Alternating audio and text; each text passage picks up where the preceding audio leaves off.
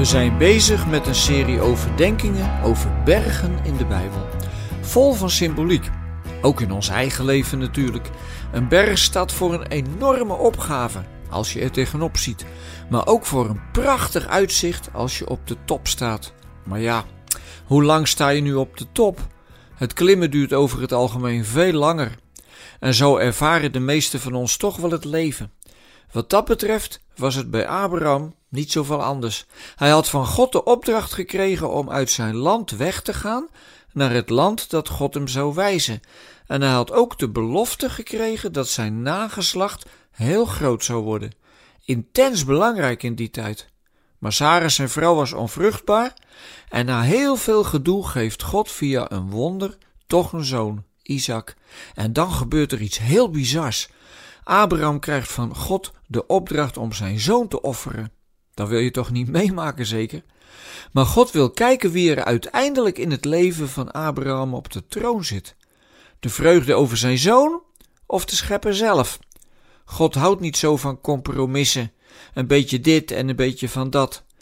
En ons verhaal van het offer van Isaac is wel heel radicaal. Dat betekent niet dat christenen zo radicaal zijn dat ze terroristen worden, want het gaat altijd om de liefde. En als je wat je doet niet terug kunt herleiden tot de liefde, houd het op. Wat nu zo bijzonder is, is dat het gebied waar Abraham naartoe moet gaan om zijn zoon te offeren, het gebied Moria, precies hetzelfde gebied is als waar later de tempel zal worden gebouwd. En nog later zal Jezus in datzelfde gebied sterven aan het kruis. Dus de zoon die niet hoefde te worden geofferd, omdat Abraham God echt op de eerste plaats zette, wordt later opgevolgd door de zoon die wel geofferd wordt, omdat wij mensen God vaak niet op de eerste plaats zetten. Dat zou je maar gevraagd worden om je zoon te offeren. Ik denk eerlijk gezegd dat ik het niet zou kunnen. Maar er staat ook in de Bijbel dat God geen kinderoffers wil. Dat was bij sommige volken in het Midden-Oosten trouwens wel een gewoonte. God wil gewoon dat ons hele leven draait om de liefde voor en aanbidding van Hem. En soms word je daar even in getest. De voorbeelden liggen voor het oprapen, hè? gewoon uit het dagelijks leven.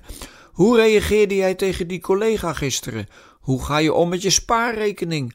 Maak je wel tijd voor de geliefde om je heen?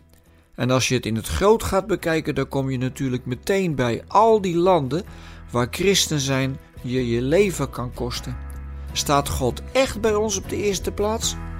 Gelukkig helpt Hij ons daarbij. En laat ons niet in het wilde weg ploeteren met een bijna onmogelijke opdracht.